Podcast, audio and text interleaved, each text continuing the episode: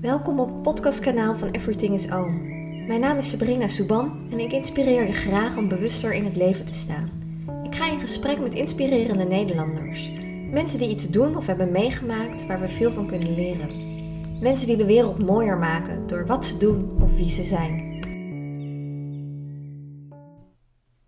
Nou, ik ga vandaag in gesprek met Edith, Edith Wientjes van mijn yoga studio.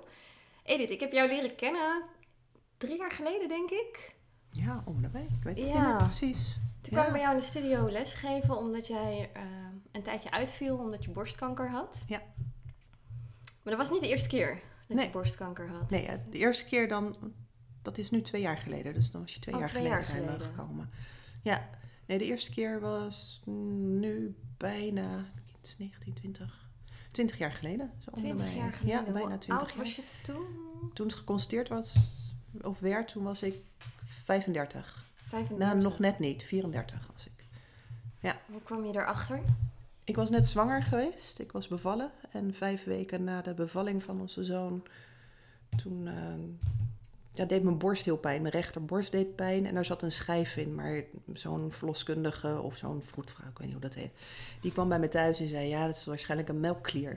Maar ik voelde me ook niet lekker. Maar ik, ik had zoiets van, ja, dat komt door de verbouwing. We waren bezig met een ander huis en we moesten ook gaan verhuizen. Dus ik dacht voor de verhuizing, zaterdags verhuizen, ik dacht vrijdags toch even naar de huisarts.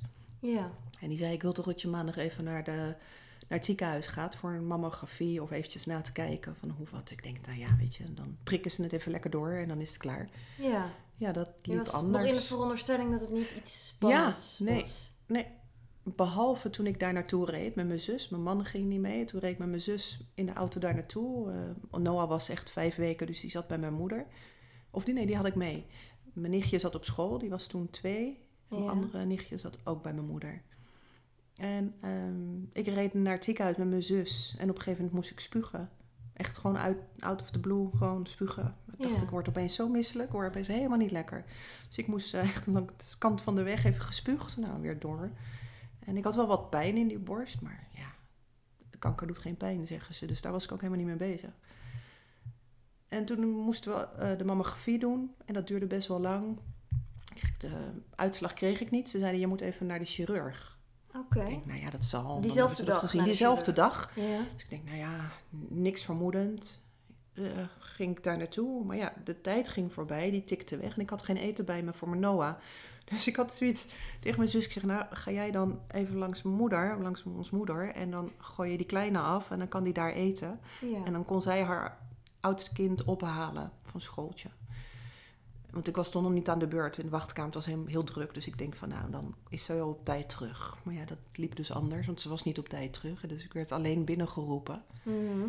En toen ging een verpleegkundige voor me zitten. Die pakte mijn knieën zo vast. En toen kwam de dokter eraan. En die zei, ja, mevrouw Wintjes, niet zo'n leuk bericht. Voor, u heeft borstkanker. Nou, toen dacht ik echt van, nou, de grond zakt weg. En, en dit, wat gebeurt er? Ik zeg, nou, dat kan helemaal niet. Doe normaal. Ik heb net mijn kind. En doe niet zo raar. Nee, en ik wil niet dood. Zat ik gelijk te schreeuwen. En, eh, en ik weet niet hoe lang daarna, want toen kwam mijn zus opeens binnen. En tegen haar gilde ik heel hard van, ik wil niet dood. Dus alle twee huilen. Ik zeg, ik heb kanker. En toen, wat ik nog heel goed weet, is dat mijn nichtje toen twee jaar zei van, ik heb zo'n pijn in mijn knie. Mhm. Ik zeg, nou, dan gaan we de dokter zo even vragen of ze naar jouw knie kijkt. Ja, vanaf dat moment, eh, raar, raar zit je in zo'n rare wereld. Moest mijn man bellen, moest Bart bellen, om te zeggen van, nou, eh, je moet hier naartoe komen, want ik heb borstkanker. Nou, die werkte toen in Den Haag en die is eh, met gierende banden hier naartoe komen rijden of naar het ziekenhuis. Ja. En die, op het parkeerterrein hebben we elkaar in de armen gevallen. En ja, ik was nergens meer. Ik was echt totaal de weg kwijt. Ja. Toen hebben we nog gesprek gehad met de arts. En die zei, ja, grote kans dat je borst geamputeerd gaat worden. Want de, de tumor was best groot, 5 bij 7 centimeter. Alleen, ehm, ja, wisten ze op dat moment natuurlijk nog niet wat, wat dan inderdaad de gradatie was van die kanker. Mhm. En een week later is mijn borst geamputeerd. Maar je gaat dan dus naar huis? Ga je naar huis? Nou ja, ons huis was, we waren natuurlijk net ver, verhuisd, dus alles stond Oh nog ja, in dat. dozen. Dus ik ben eigenlijk bij mijn moeder in huis gegaan. Mhm. Omdat ik op dat moment trok het niet meer. Ik, Nee. ik, eh, ik had zoiets van, ja, hoe dan en wat dan? Ik heb daar de hele dag in bed gelegen. En daar kwamen allemaal mensen langs ook, familieleden. Je nu achteraf dat je denkt van ja, ging ik dood of zo, maar troosten. En ehm, volgens mij hebben we twee nachten bij mijn moeder geslapen, denk ik. Of tot aan de operatie, ik, ik weet niet meer precies. En toen, ehm, denk een week later ben ik geopereerd. En ja, dat is heel onwezenlijk. Ja. Heel onwezenlijk, want de avond daarvoor hebben we gewoon een ja, een soort van afscheid genomen. Neem je dan van je borst. Het is echt raar. ja. Ja, Hoe, hoe is dat om te weten dat, dat er een borst afgaat? ja dat vat je niet. Nee, dat is niet te vatten. Nee, ik wilde ook niet. Ik had, toen ik de avond ervoor in het ziekenhuis lag, Ja. werd de avond ervoor of de middag daarvoor opgenomen. Toen dacht ik, ik ga gewoon vanavond weg. Ik ga gewoon wegrennen en dan vinden ze me niet en dan kunnen ze me niet pakken. Ja, Ja. hele basisreactie denk ik dat je dus zoiets hebt van ja, maar ik wil het niet, dus ik ren wel weg. Ja. Ja, niet dat je daar wat mee opschiet. Ja. Dus, en als dan inderdaad die operatie voorbij is, ja, dan is het helemaal vreselijk. Weet je, het was, het was in mei toen, in mei 2000. Ja, in april is Noah geboren. Mei 2000 is die borst afgegaan. Het was best mooi weer. Ik lag in het ziekenhuis. En een vriendin van mij was, toen ik daar lag, was ze ook net bevallen. En toen zag ik er op een gegeven moment weggaan met kindje en man en zo. En dan was ik boos en jaloers. En ik denk, ja, ik lig hier in het ziekenhuis, mijn borst eraf. Kan mijn kind geen borstvoeding meer geven. Ja. En hoe gaat het aflopen? Want ik wist op dat moment niet hoe Dat het wist je zou dan zijn. nog niet. Nee. Ze hebben dan de tumor wel weggehaald? ja, op het hoe moment dat dan de operatie is gedaan en ze hebben de borst geamputeerd. Mhm. En toen zijn, eh, is het op kweek gezet. En dan hoor je weer een week later pas wat het was. Het was dus gelukkig niet uitgezaaid. Het was een, een kanker in wording, zoals ze dat mooi noemen. Een Oké. desis. Ja. Dus, maar We ja, hebben het nu over, over 20 jaar geleden dan, hè? Ja. Ehm, is dat nog steeds dat ze dan direct een borst amputeren? Of is het nu dat nee, ze dat het is wel minder snel. Ja, minder snel dat ze een borst amputeren. Dat wel, want ik, toen ik nu twee jaar geleden borstkanker weer kreeg, Ja. toen heb ik gelijk gezegd van haal hem er ook maar af. Want je dan hoef ik me daar nooit meer druk om te maken. Nou is dat ook niet helemaal waar, want zelfs met geamputeerde borsten kan je nog kanker krijgen daar. Mhm. Dus, eh, maar dat wilden ze niet. Dus, ja, nee, ze zijn er voorzichtiger mee Ja. met het amputeren. Gelukkig maar, want het is echt een eh, draak van een operatie. Ja. Ja, Want je zegt een week later kwam de uitslag. Heb je dan nog een week in het ziekenhuis gelegen? Hoe, hoe, werkt dat, dat? weet, dat weet ik dus niet meer precies. Ik ben ook echt, ik heb gaten. Ja. Weet je, ik was net uitgezwangerd, ik was eigenlijk in mijn kraamtijd. Ja. En, en dan gaat je borst eraf en dan gaat er zoveel door je heen. Ik ben ook echt depressief geweest daarna. Echt, ik zag het gewoon niet meer zitten. Het is dat ik mijn kindje had. Want anders denk ik echt dat ik zoiets had van, ah, is dit het?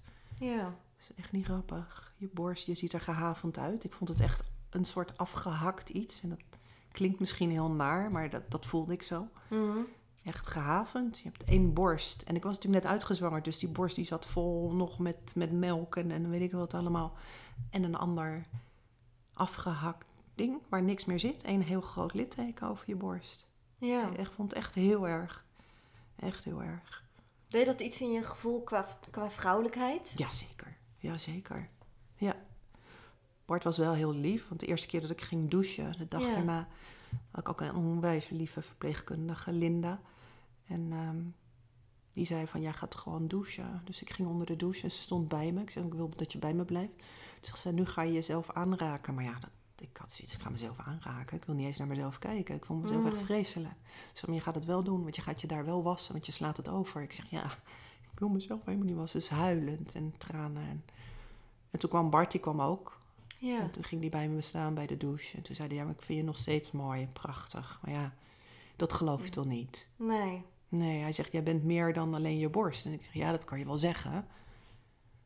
Maar ja, voor mij voelde dat niet zo. Dus het heeft ook, ja, intimiteit met elkaar is gewoon ver te zoeken na Ja. zo'n operatie. Wat is het beste wat iemand op zo'n moment zou kunnen zeggen? Ik, ik heb dat niet meegemaakt, maar Mhm. ik zou me zo kunnen voorstellen dat het fijnste is wat, wat je partner dan zou kunnen zeggen. Van ik vind je nog steeds mooi. Ja, Maar wat, aan de ene kant denk je ja. dat ook wel. Maar op het moment dat hij dat zegt, geloof je het gewoon niet. Dan denk je, ja, je zegt maar wat. Ja, het enige wat je wil is dat iemand je vasthoudt en zegt dat het goed komt. Dat is het enige wat je wil. Wegduiken en vastgehouden worden. De hele dag het liefst. Ja, de mensen zeggen het komt wel goed, het komt wel goed. Maar ja, dat is natuurlijk ook niet, eh, niet de realiteit. Nee. Maar dat is wel waar je dan behoefte aan hebt. Hoe ben je die Dus- tijd doorgekomen daarna? Want je hoorde een week later van het is Hm. niet uitgezaaid. En dan ben je officieel genezen verklaard. Hoe, hoe werkt dat? Nee, nee, want dan kreeg ik kreeg preventief kreeg ik nog, ehm, oftewel chemo zouden ze nog nadenken, omdat ik zo jong was. Ik was Ja. 35 natuurlijk toen, nou, nog net 34. Ehm, toen hadden ze zoiets van, ja, we gaan toch overleggen met, ehm, met Amsterdam om te kijken van wat we gaan doen. Eh, oftewel chemo's, oftewel bestralingen. Dus ik had zoiets van, oh, maar dan maar bestralingen, want van chemo's Ja. word je kaal. Dan denk Ja, ik, ook en dat. ben ik mijn borst kwijt en mijn haar. Ja.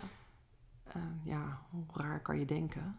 Nou, ik Maar- snap dat denk ik wel. Ja. Ja. En dus uiteindelijk werden het 25 bestralingen. Dus dat, ja, dat heeft ook nog wel impact. Want dan moest ik elke dag naar het, toen nog gewend, naar het Westeinde ziekenhuis. Vanaf hier naar het Hm. Westeinde ziekenhuis. Elke dag met je babytje. Met je kleine kindje in een maxicosi. En dan moest ik elke dag iemand charteren om me daar naartoe te brengen. Want ik mocht zelf geen auto rijden met die operatie. Oké. Het risico dat, dat ja, weet je, je bent gewoon niet verzekerd net na zo'n operatie. Ehm, ja, dus vijf dagen. Vijf dagen in de week, vijf weken lang, elke dag naar het ziekenhuis. En je bent langer onderweg, want naar het Westeinde ziekenhuis is niet zo heel dichtbij. En, en Hoe dan lang duurt zo'n bestraling? Een minuut. Een minuut. een minuut. Oké. En dat is ook heel naar. Het was heel naargeestig daar. Was een, eh, in de kelder was het weggestopt, die bestralingsafdeling toen. En het was heel donker. En er hingen allemaal hele nare foto's van, van hele, hele nare kankervormen. Dat je denkt van ja, hallo, dat is echt niet waar ik op zit te wachten. Weet je, hang een paar zonnebloemen op of zo, weet ik veel. Ja. Ja, en dan moest je in je, in je in de kleedkamer moest je je kleding uitdoen en dan moest je een gangetje doorlopen. Maar dan liep je met ontbloot bovenlijf. Dus op Door een die gegeven moment. Ja, daar, daar liepen verder geen mensen. Dat was natuurlijk Ja, een afgesloten ding. Maar er zaten wel mensen in het hokje nog en die konden jou dan wel zo langs zien lopen. En dan loop je daar. Dus op een gegeven moment heb ik maar een sjaal meegenomen om die eroverheen te hangen. Dus dat. dat eh, Klinkt best een beetje gek. Ja, nee, het klinkt ook heel. Het, het was ook vreselijk. Het was echt een hele naar, nare boel daar. Het heel is, donker. maar het is al gewoon een en al ellende. Ja. En dit soort dingen maakt het niet beter. Ik Nee. denk dat het überhaupt niet makkelijk beter gemaakt kan worden. Maar Nou ja, dat, het scheelt wel. Of het, we hebben nu in Antonius over hier, is het echt gewoon zo verbeterd.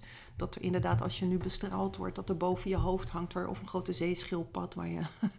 ja, nee, ja, goed. bent. Nee, ja, nou, oké, maar dat maakt het wel gez- gezelliger of prettiger. Er is licht. Weet je, je hoeft niet meer zo'n stuk door zo'n gang te lopen. En je krijgt ook gewoon een dingetje mee. Zeg, nou, of trek iets aan. Of, of weet Nou je, ja, het is allemaal niet meer zo heel naar. Ja. Ja. je kan ook gewoon je truitje aanhouden. Ze zeggen, nee, doe je hem hier uit of zo. Het is allemaal niet meer zo heel naar. ja. En bij die andere liep je dan ook nog langs de maskers. Want sommige mensen moeten natuurlijk een masker dragen als ze Ja. bestraald worden. Dus daar liep je dan langs. Dus het was een, een soort van een silence of the lambs. Dat je de hele tijd langs die masker. Dat was heel naar. ja, dat klinkt heel creepy. Ja. Ja. En na die, na die vijf weken bestralingen, Ja, dan ben je in feite klaar. oké. Dat Dan is, ben je, dat feite, is je zegt in feite klaar. in feite klaar. Want je bent natuurlijk nooit meer klaar. Nee, wat gebeurt er Nooit meer daarna? klaar. Want je, dan moet je elke drie maanden op controle. Nou, dan Hoeveel, hoeveel jaar moet je dan elke drie, drie Uh, maanden? het eerste jaar drie, per drie maanden, dan elk half jaar. En na twee jaar mocht ik geloof ik om het jaar, of na vijf jaar, dat weet ik ook niet eens meer precies. De, ja, dat is raar. Want je loopt eerst constant eh, bij de arts naar binnen, alsof het niet anders is. Mhm. Weet je, dan zit je drie, vier, vijf keer, zes keer in de week bij een arts. En dan opeens is het stil. Ja. En dan pas ga je verwerken. Dan pas ga je beseffen wat er allemaal gebeurd is.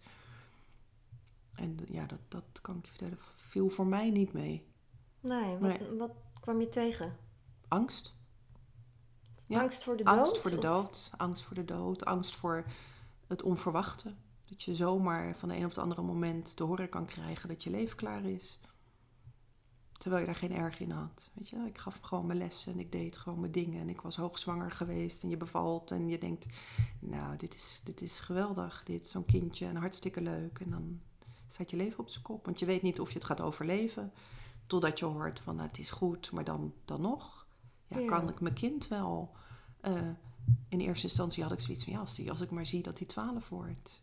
En kan ik maar zien dat hij 16 wordt. En toen was het 18 en nu heb ik zoiets van, ja, als ik maar zie dat hij 21, nou, dat zou ik waarschijnlijk wel redden, maar of, of ik hem ooit zie trouwen, ja, dat weet ik het. Dat weet ik. Maar dat weet niemand. Maar Nee, alleen, maar- ik ben dichterbij ja.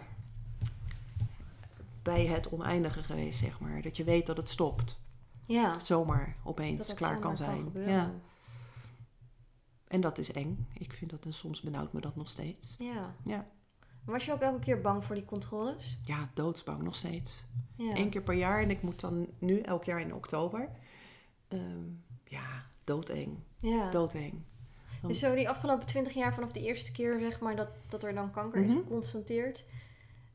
Dan ging je elke zoveel tijd dus voor controle. Altijd weer die angst. Altijd angst. Ja. Altijd angst. Want je weet het niet. En kwam je er ook weer bij zo'n controle achter dat je terug was?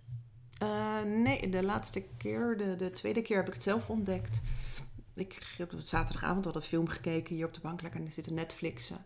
En ik ga, het was eigenlijk heel gezellig geweest. En eh, ik ga naar bed en ik ga liggen. En ik, eigenlijk slaap ik altijd met BH aan. Dat is natuurlijk wel een ding, omdat ik het gewoon niet fijn vind om zonder BH te liggen. Hm. En dit keer had ik hem niet aan en ik, ik, ik heb geen idee wat ik deed. Ik plaats mijn rechterhand onder mijn linkerborst en ik wil mezelf verschuiven. En ik denk, ik voel wat. En ik voel, ik, dat is heel raar, maar vanuit mijn tenen voelde ik dat het niet goed was. Een heel klein, klein speldenknopje voelde ik weer. En ik denk, het is niet goed, het is niet goed. Weer voelen, nog een keer voelen, ter controle. Ja hoor, voel het wel. Jezus, Mina. En het voelde hard en raar.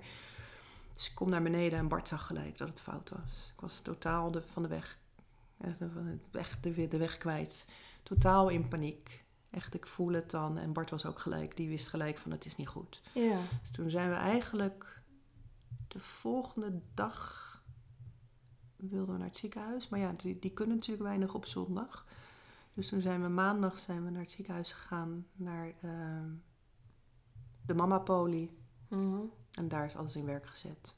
Van, ja, het is, eh, En toen wisten ze het ook nog niet, want hebben ze eerst weer een punctie moeten doen, want ze konden het niet voelen. En de arts en ik moest, me, moest de hand begeleiden om te kijken waar het zat. En ze konden het op de mammografie niet zien en op de echo Oh. niet goed zien, Omdat het zo klein was? omdat het zo heel klein was. Oké.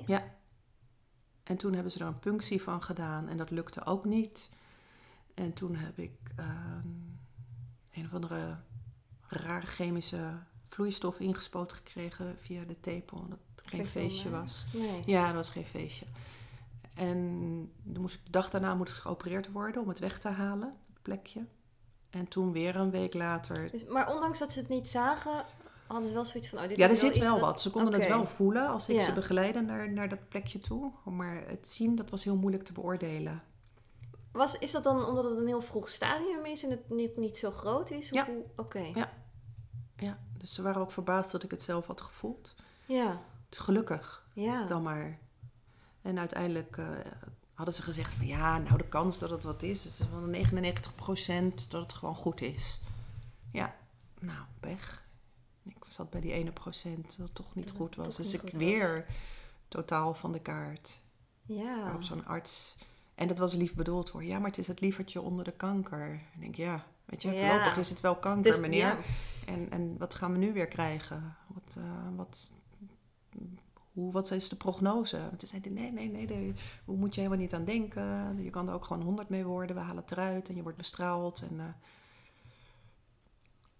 dus daar gingen we weer. Ja. daar gingen Toen we zijn weer. ze het eruit gaan halen. Toen hebben ze het geopereerd. In eerste instantie hebben ze ehm, alleen de, het tumortje eruit gehaald.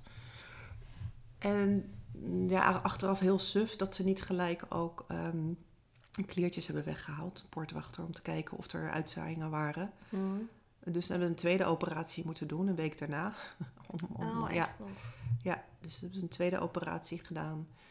En toen hebben ze ook eh, wat kliertjes eruit gehaald om te kijken van, nou ja, zit er een uitzaaiing of wat dan ook. Maar gelukkig was dat allemaal niet zo. Geen uitzaaiingen daar. Dus eh, ben ik weer door het oog van de naald gegaan, zeg maar. Ja. Ja. Heb je, als, als je al een keer eerder borstkanker hebt gehad, is de kans dan groter dat je dat nog een keer krijgt? Of...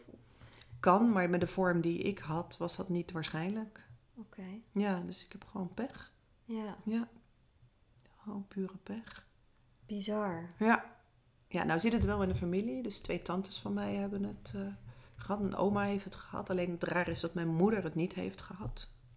Nog niet heeft gehad, godzijdank. En ook geen zus of zo van me. Ook geen nichtjes. Dus het zit wel in de familie, maar of dat nou echt familiair is, dat weet ze niet. Dat zou ik moeten laten testen. Maar ik heb zoiets van ja, ik heb daar geen zin in. Nee. Weet je, het is, het is nu al bijna ondraaglijk te denken dat je het twee keer hebt gehad en alles. En dan de wetenschap dat je misschien gendraagster bent. Dan denk ik, ja, en dan? Dan halen ze wel de borst eraf. Terwijl ik dat nu heb gevraagd, wilden ze het niet. En dan gaan ze het wel doen. Is dat zo? Ja. En waarom dan wel? Omdat je dan gendraagster bent en de kans groot is dat het eh, toch weer komt. Oké. Ja. En nu zijn ze ervan uitgegaan dat het gewoon pech was. Dus ik heb zoiets van, ja, wil ik dan mijn hele leven weer ondersteboven gaan halen? En dan zou mijn Ja. zus en mijn nichten het ook moeten doen. Oh, als jij ook- dat besluit, dan is dat eigenlijk automatisch voor... Dan zou je eigenlijk met de hele familie moeten doen. Alleen mijn zus heeft ook zoiets van, ja, weet je, wat winnen we daarmee? Ja. Dan zou je preventief de borsten moeten laten verwijderen, mijn zus dan ook. En dan zouden ook mijn nicht, maar ja, nee. We hebben zoiets van, eh, misschien de kop in het zand steken, misschien, ik weet het niet. Ja. Ik Je weet weet- niet. je weet ik, het niet. Ik begrijp het wel. Ja. Ja. Want er is ook een kans natuurlijk dat er helemaal niks gaat dat er, gebeuren. niks, dat er niks is, dat het, of dat het wegblijft, dat het Ja. helemaal niet komt. En daarbij het, het opereren en het eh, amputeren van borsten is ook zo'n feestje niet. Daar kan je ook heel veel ellende van krijgen. Dat heb ik met mijn amputatie ook gehad. Ik ben in totaal voor die rechterkant twaalf keer geopereerd, omdat het, het creëren van een nieuwe borst allemaal niet zo heel makkelijk ging. Het oprekken van de huid, dat krijg je een soort ballon daarin. Mhm. En dat stootte op een gegeven moment af. En dan kreeg ik weer allemaal vocht. En dan moest ik elke dag naar het ziekenhuis om het vocht af te laten. Nou, toestand. Oh joh. Ja, Oh. dus, ehm, dus van mij mag het zo blijven. Dus het is goed. Nu twee keer gehad, twee keer overleefd. Ik vind het klaar. Ja. Ja, Ja. Want hoe lang heeft die tweede behandeling in totaal geduurd? het werd in... ehm, ik denk dat jij het beter weet. Ik werd, volgens mij werd het in november geconstateerd. November 2007. Ja, ik ben in december toen bij jou Ja. begonnen. In 2017 is het dan geconstateerd in november. En volgens ja, nee, ik was vlak voor de kerst, de dag voor kerst, was ik klaar met bestralingen. Toen heb ik er tien gehad. De laatste keer. Hoe ga je dan je kerstdagen in? Ja, dan, toen was ik heel blij. Ja, Ik was toen heel blij. Ja, omdat het achter de rug is? omdat het klaar was. Omdat ik wist van, nou, weet je, nou gaan we weer verder. Het voelt wel anders. Ik was ook wel weer vreselijk van slag. En ik heb ook echt wel antidepressiva geslikt. Omdat ik zoiets had van, nou, weet je, is dit, dit, pff, jongens, jongens. Wat nou? Constant die angst voor elk bubbeltje, elk dingetje. Dat heb ik nog steeds hoor. Elk bubbeltje, elk dingetje bij Noah, bij Bart. En uh, terwijl eigenlijk beide. Dat je bang bent dat het Dat het- mis is. Ja, weet je, een eenvoudig uitslagje of wat dan ook. Je kan wel eens iets verkeerds gegeten hebben of dat je zweet of wat dan ook. Dat je vlekjes op je huid krijgt. Of dan denk ik gelijk, oh ja, het is, eh, het is kanker. Of een vlekje op je rug of een pukkeltje hier of dat. Ja, Ja, snap ik wel. ja. Ja. Is dat erger geworden nu na die tweede keer? Ehm, het was altijd wel aanwezig, maar het is, ja. Ja. Ja. ja. Beheerst dat je leven? Dat je elke dag nu je hele lijf gaat checken op, op Nee, dat doe ik niet. Maar ik bedoel, er hoeft maar iets te gebeuren of het schiet vanuit mijn tenen weer omhoog. Dat ik denk, oh, het is wel alsof je constant, eh, constant alert bent. Constant op scherp staat. Ja. En de ene dag gaat het beter dan de andere dag. Weet je, als het net weer wat veel, achter, eh, veel gebeurd is of ik heb veel les gegeven Mhm. en ik heb het druk gehad. En er zijn veel dingen in, aan de gang in de familie. Dan heb ik zoiets van, eh, pff, dan opeens krijg ik weer een paniekaanval of zo. En dan het duurt wel korter, gelukkig. Ja? Het is wel korter. Zie je daar progressie in? Ja, gelukkig wel. Na twee jaar mag dat ook wel. Of na 22 jaar dan zou het wel zo. Nee, 20 jaar nu. 20 jaar. Ja, Ja. Ja. Bizar. ja, Ik vind het altijd zo mooi dat je eh, tijdens die hele periode altijd heel open bent geweest over, over alle angsten die je met je meedroeg en hoe heftig het was. Ik weet nog wel dat je toen zei dat je op een gegeven moment klaar was met die behandeling. Ik kende je toen niet zo goed, dus ik Mhm. durfde ook niet te veel daarover te vragen. Uh, maar dat ik allemaal mensen in de studio hoorde zeggen van, oh wat fijn en wat een opluchting. En dat je eigenlijk zoiets had van, nu begint het pas, het is Ja. nu pas echt ellendig. ja. Wat gebeurt er daarna na zo'n behandeling? Ja, dan sta je alleen. Want tijdens de behandelingen ben je natuurlijk constant eh, bezig met artsen. En dan heb je constant mensen om je heen die je begeleiden daar naartoe. Of wat dan ook. Of die er voor je zijn. En nou waren de laatste keer niet zo heel veel mensen meer voor me, moet ik je vertellen. Want op een gegeven moment vinden mensen het ook eng. En zijn ze klaar met je verhaal over weer kanker? Je bedoelt Zo. mensen in je omgeving? Mensen in mijn omgeving, Ja? ja, zeker. Heeft het je zeker. vriendschappen Ja. gekost? Zeker. Ja. En of dat dan bewuste keuze is van die mensen, ik heb geen idee. Misschien heb ik ze afgestoten of, of is het hun angst voor kanker of ehm, dat ze denken van ja, we hebben geen zin in verhalen over kanker of geen zin in een huilende vriendin. Dat, dat zou kunnen, geen idee. Nee. Dus dan is je wereldje wel heel klein. Dat wel. Dus ik was blij als ik af en toe naar de studio kon gaan. Dat ik daar eh, mijn energie vandaan haalde. Maar ja, daarna moet je je dagen zelf gaan vullen. Ja. En weer. En proberen het leven weer op te pakken. Hoe doe je dat, het leven weer oppakken? Proberen niet zoveel te denken. Wat Ja, ja, ja, die. daarvan? Dat, ja, nou ja, dat. dat ehm, het gedachten zijn gedachten. Dat maar proberen elke keer jezelf weer voor te houden.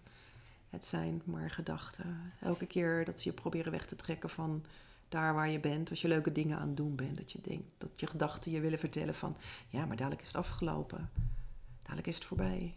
Want je weet maar nooit.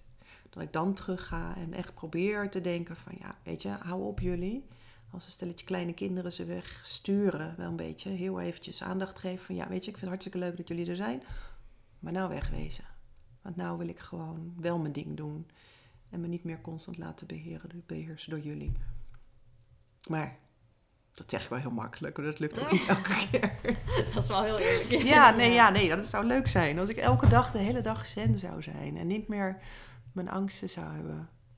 Heeft yoga je daarin geholpen? Zeker, zeker. Ja. Zeker. Dat geeft me echt wel energie. Ik heb ook echt dagen dat ik echt denk van... nou, hoe krijg ik me in godsnaam vandaag van die bank af...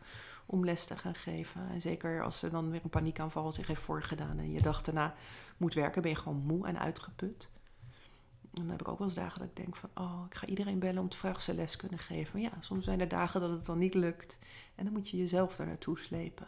En dan is het echt slepen. Maar op het moment dat ik de deur opendraai en die mensen komen binnen... dan is er bij mij ook een knop die zich omdraait. En dan gaat het goed. Dan is het lesgeven gewoon fijn. En dan is je hoofd dus inderdaad gewoon niet bezig met alle andere gedachten, de negatieve gedachten. En dan, ja, Voel je Dus daarna wel. beter dan Ja. toch? meestal wel. Meestal Ja, wel. meestal wel. Ja, je voelt het ook. Je voelt echt je gezicht anders. Je voelt dat het, de druk in je hoofd is anders. Je schouders voelen anders. Het, het is, ja, het is gewoon... eh, het is geen verkooppraatje, maar het is wel waar.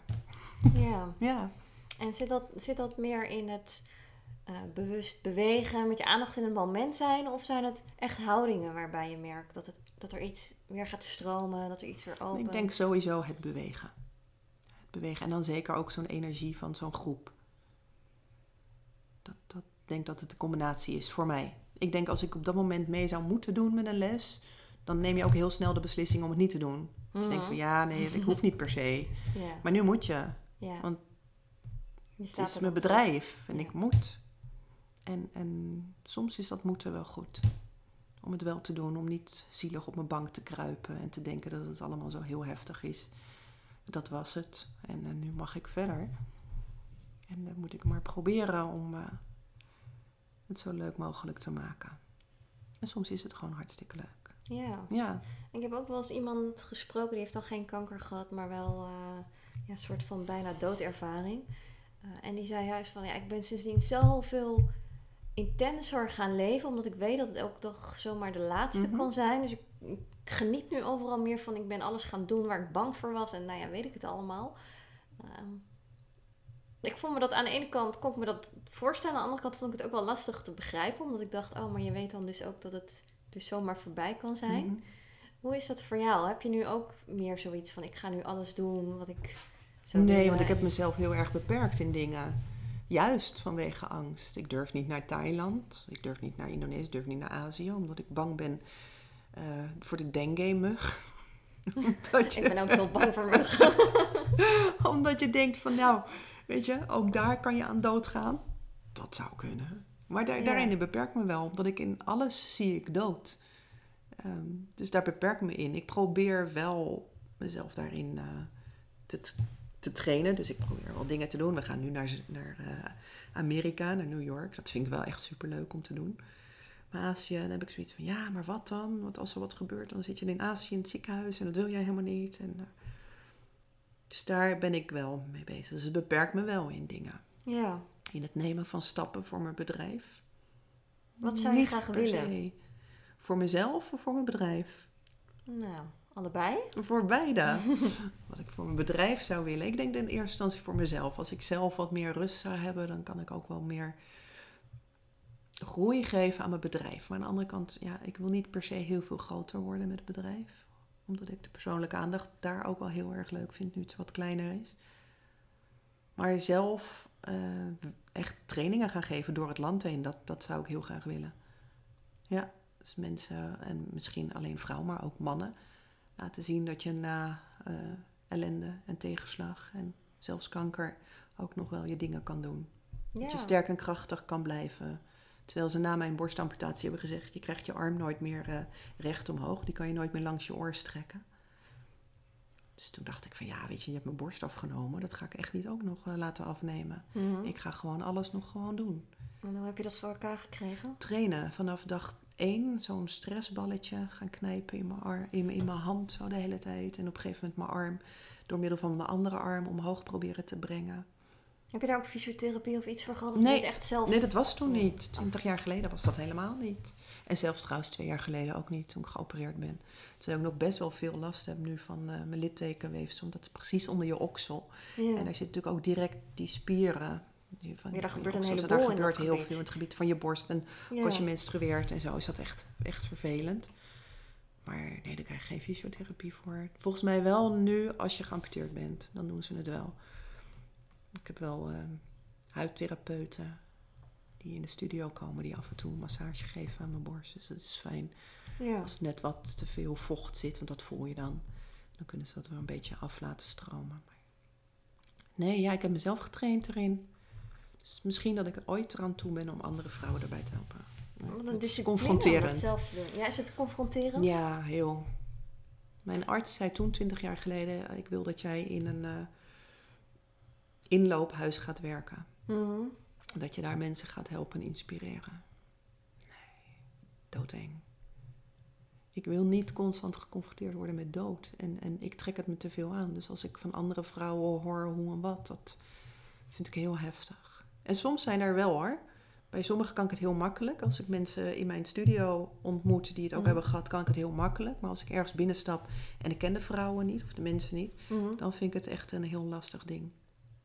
Omdat het direct weer een herinnering is. Of Ja, of- en zeker als je dan in een situatie zit van een ziekenhuis, dan is het helemaal lastig. Ja. Want dan is het echt wel heel confronterend. En de ene dag voel je je gewoon ook sterker dan de andere kan, keer. Ja, ja, dat is ook is- zo. ja. Dat is ook het leven.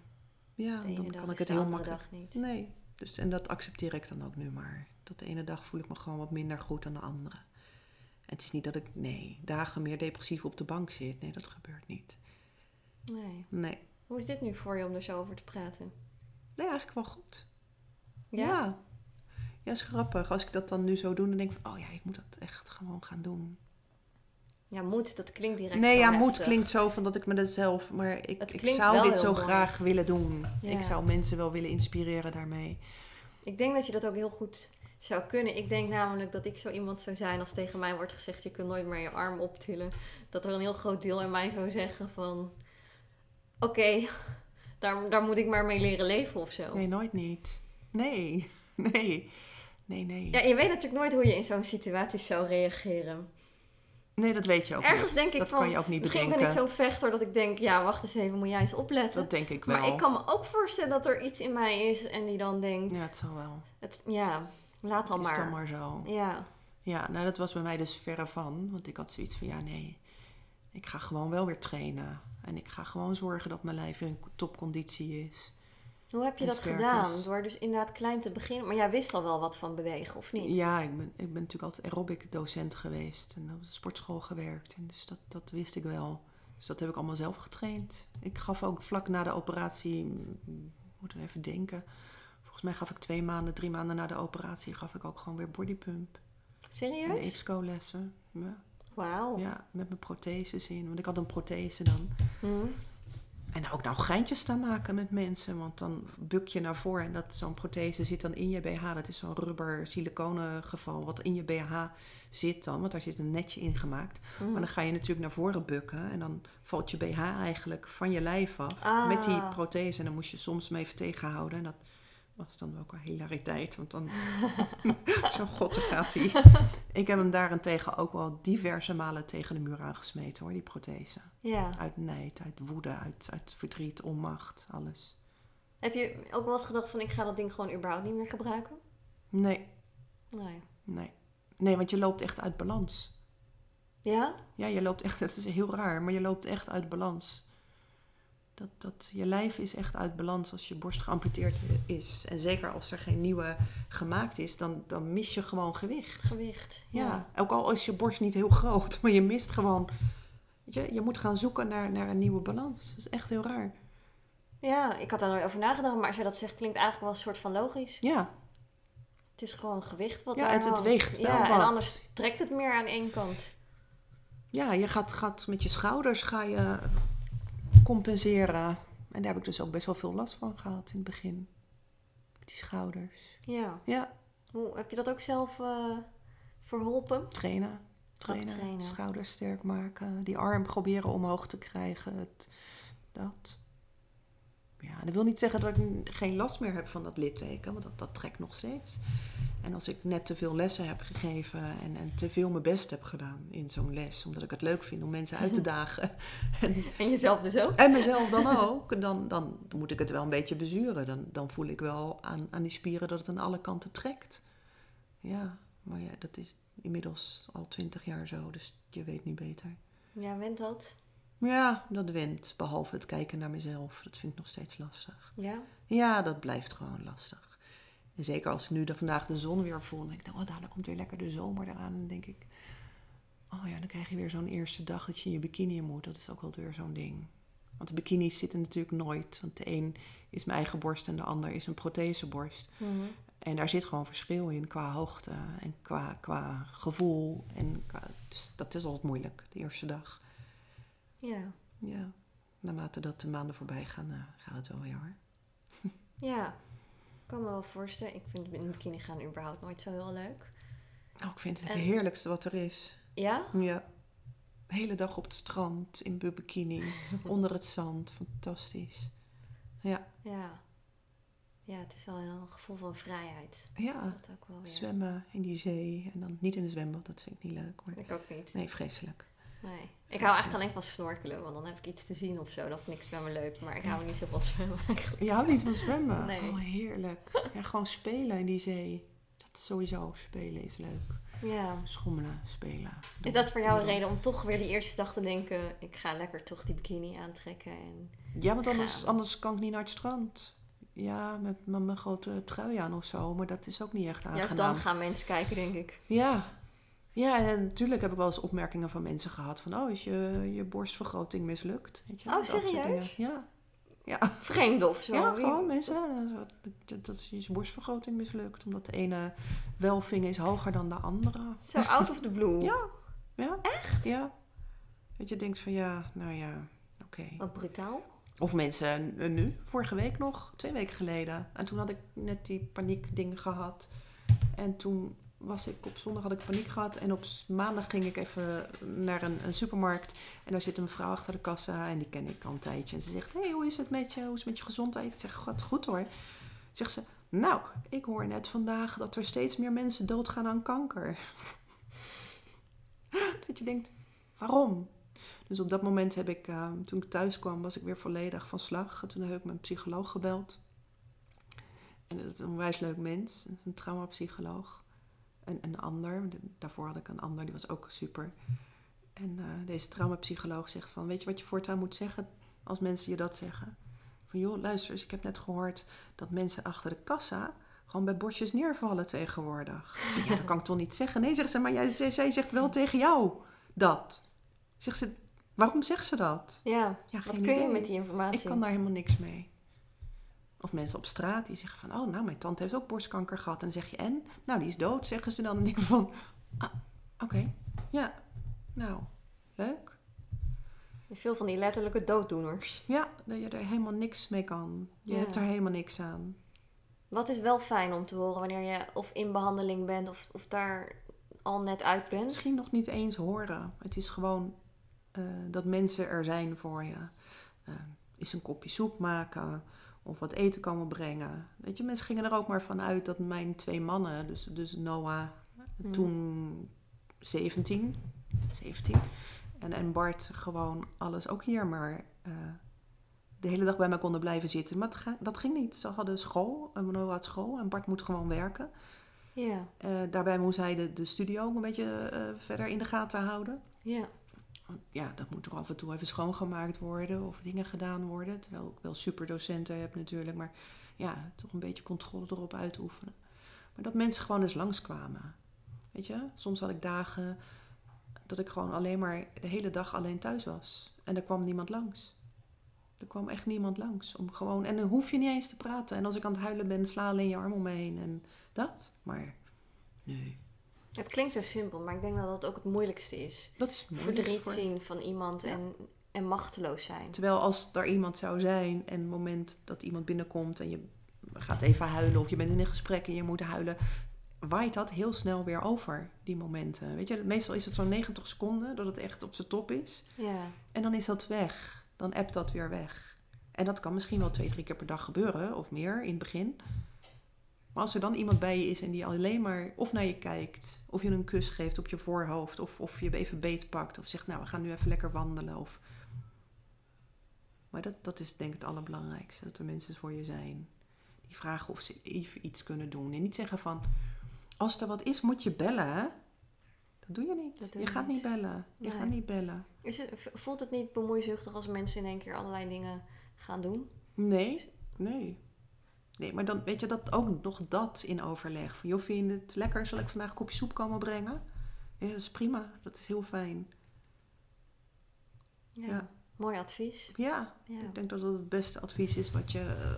Tenminste, het beste wat je kan doen voor iemand die, die op dat moment gewoon even de weg kwijt is en het allemaal niet meer weet en in behandeling is. Of, ook daarna nog steeds trouwens. Ja. Dus niet alleen als mensen in behandeling zijn, maar ook daarna.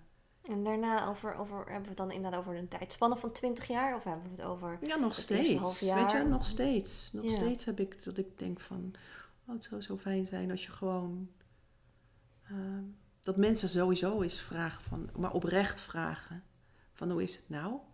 Weet je, er is nooit iemand die aan mijn man heeft gevraagd in die periode of aan mijn zoon heeft gevraagd hoe is het nou met jullie? Hmm, Niemand. Niemand.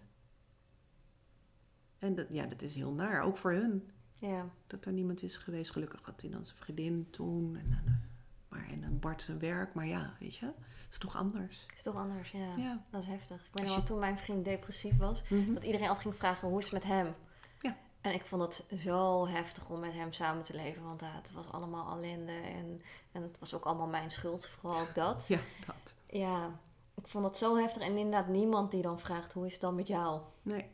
Ja, dat is inderdaad ook heel fijn wanneer je partner van iemand bent of kind inderdaad. Ja. Dat mensen dat ook eens vragen. Ja, dat is heel belangrijk. En zeker als man en vrouw is het sowieso heel lastig, weet je, met, met borstkanker om te gaan. En die intimiteit weer te vinden met elkaar. Ik bedoel, we hebben ook onze dip daarin gehad. Hele erge dip. Ja, Dus het is echt, hoe heet dat boek? Vrouw bij de dokter, man bij de dokter. Hoe heet dat boek van Klun? Dat- Hmm, weet ik niet. Nee. Zijn vrouw had eh, borstkanker en toen ging hij vreemd. Dus ja, dat is mij ook niet vreemd, zeg maar. Hmm. Dus dat, maar dat, dat gebeurt. Dat gebeurt. Dat gebeurt, mm, weet je, niet alleen je bij mij. dan ook?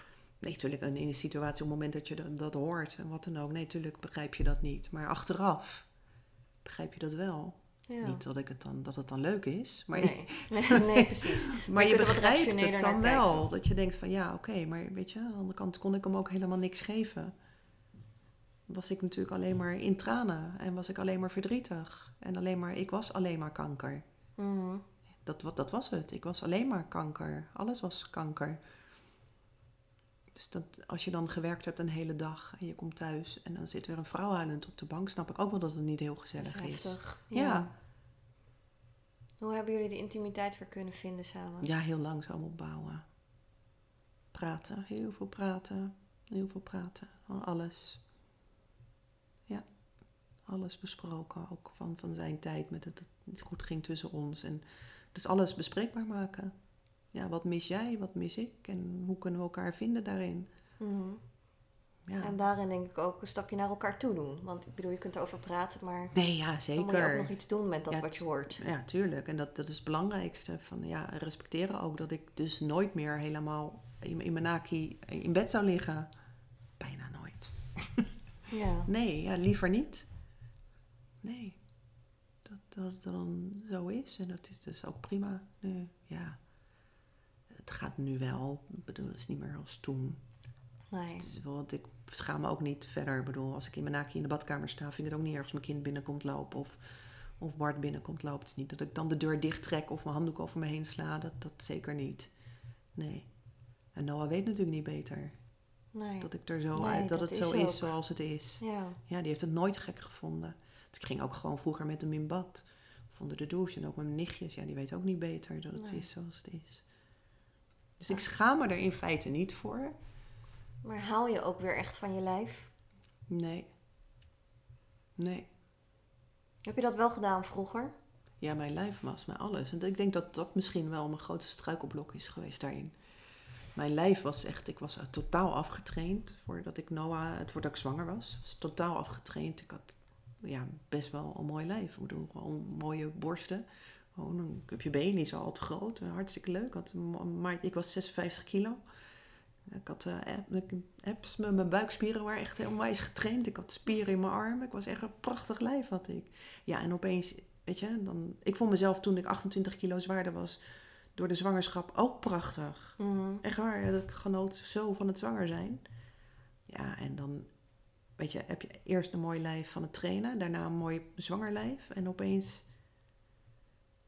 is het is totaal verminkt. Zo voelde ik het. Ja. Ja, Terwijl ik denk dat een heleboel vrouwen, tenminste dat is wat ik in de studio ook hoor en wat ik zelf ook zie, ja, nog steeds een hele mooie vrouw vinden. ja, ja dat hoor ik ook. En dat, doet soms doet me dat pijn. Het liefst zou ik dan willen gillen, ja, dat is leuk met mijn kleren aan. Weet je, ik heb helemaal niet zo'n mooi lijf. En ik, nee, en dan nog steeds denk ik ook wel van, jezus, zeur niet zo. Zeur niet zo, want kijk eens naar jezelf. Ja, dat, dat heb ik ook nog steeds. Ja. Ja, dat is ook. Ik weet ook wel dat het lijf ehm, voor de leefgehandicapten, dankjewel, dat het er nog steeds goed uitziet en dat het nog steeds getraind is. Alleen Ja. bij mij is, is mijn lijf, Je hebt de vergelijking met... ja, met hoe het was. En ik ben natuurlijk ook wel wat zwaarder geworden. Dat is ook niet heel raar. Maar ja, dat blijft die borst. Dus ik, ik, overweeg soms nog dat ik denk van ja, zou ik dan toch nog een operatie doen? Nog een operatie doen, zodat ze wel alle twee tegelijk, weet je, die ander toch eraf laten halen. En Hm. dan toch twee nieuwe borsten laten creëren. Alleen, ja, goede kennis, die is plastisch chirurg. En die heeft mijn operatie ook gedaan. De Ja. laatste, met, met die eh, amputatie toen, met die nieuwe borst maken. Die zegt, ja, daar zit wel risico. En risico is afstoting van eh, de nieuwe silicoon. Hm. Of afstoting helemaal. Ja, dan heb je niks. Ja. Dus dat, eh, Dus kun je toch tegenwoordig ook iets met lichaams-eigen vet doen of nou zo? ja, dan moet ik eerst dik gaan worden. Oh, echt? Of Ja. dikker. moet ik nog meer Nou, rolletjes, nog meer rolletjes vet gaan creëren. Ik dacht dat ze dat van benen en billen afhaalden. Ik heb er nooit heel erg in verdiept hoor, maar... Nee, dat doen ze van je buik. Oh, oké. Ja. Dat doen ze van je buik. ehm, dus maar nee. En ze doen Ja. ook van een rug. Maar dan snijden ze ook, dan kunnen ze ook je rugspier raken. Oh, dat klinkt heel En, raar. ja, nee, dus ik had zoiets van, ja, weet je, ik ben, nu ben ik mobiel in alles. Stel je Ja. voor dat ze vanuit mijn rug gaan en het gaat niet goed, ben ik beperkt. Want ik ken wel een aantal vrouwen die hebben het gedaan en die zijn beperkt in, de, in het gebruik van de armen. Hm. En hebben gewoon constant rugpijn en schouderpijn. Ik denk, ja, dat ga ik niet doen, dan kan ik niet meer lessen. En mijn buik, ja, nog meer littekens. Ja, nee. ja. Nee. ja, dan is het eigenlijk een soort van verplaatsen. Ja, want wat, wat, wat heb ik daarna? Want wat gebeurt er in mijn buik Ja. dan daarna? Hoe beweegt dat zich en hoe herstelt dat zich? Dus ik denk, nou, weet je, misschien moet ik het maar gewoon laten gaan zoals het is. Ja. Ja. Ja, dat is nou, zoveel ellende ook niet waard. Nee, bedoel, misschien dat, gaat het eh, goed, misschien ook niet, maar... Je weet het niet, weet je, we weten het allemaal niet. En ik ga er maar vanuit dat het eh, mij nu allemaal eh, bespaard blijft. Dat ik wel genoeg heb gehad, zeg maar. Nou, Ja, dat zou je denken, hè? ja Ja, laat het hopen. Ja, dankjewel. graag gedaan. Dankjewel. Bedankt voor het luisteren naar het kanaal van Everything is Oom. Om geen enkele aflevering te missen, kun je je abonneren op mijn kanaal.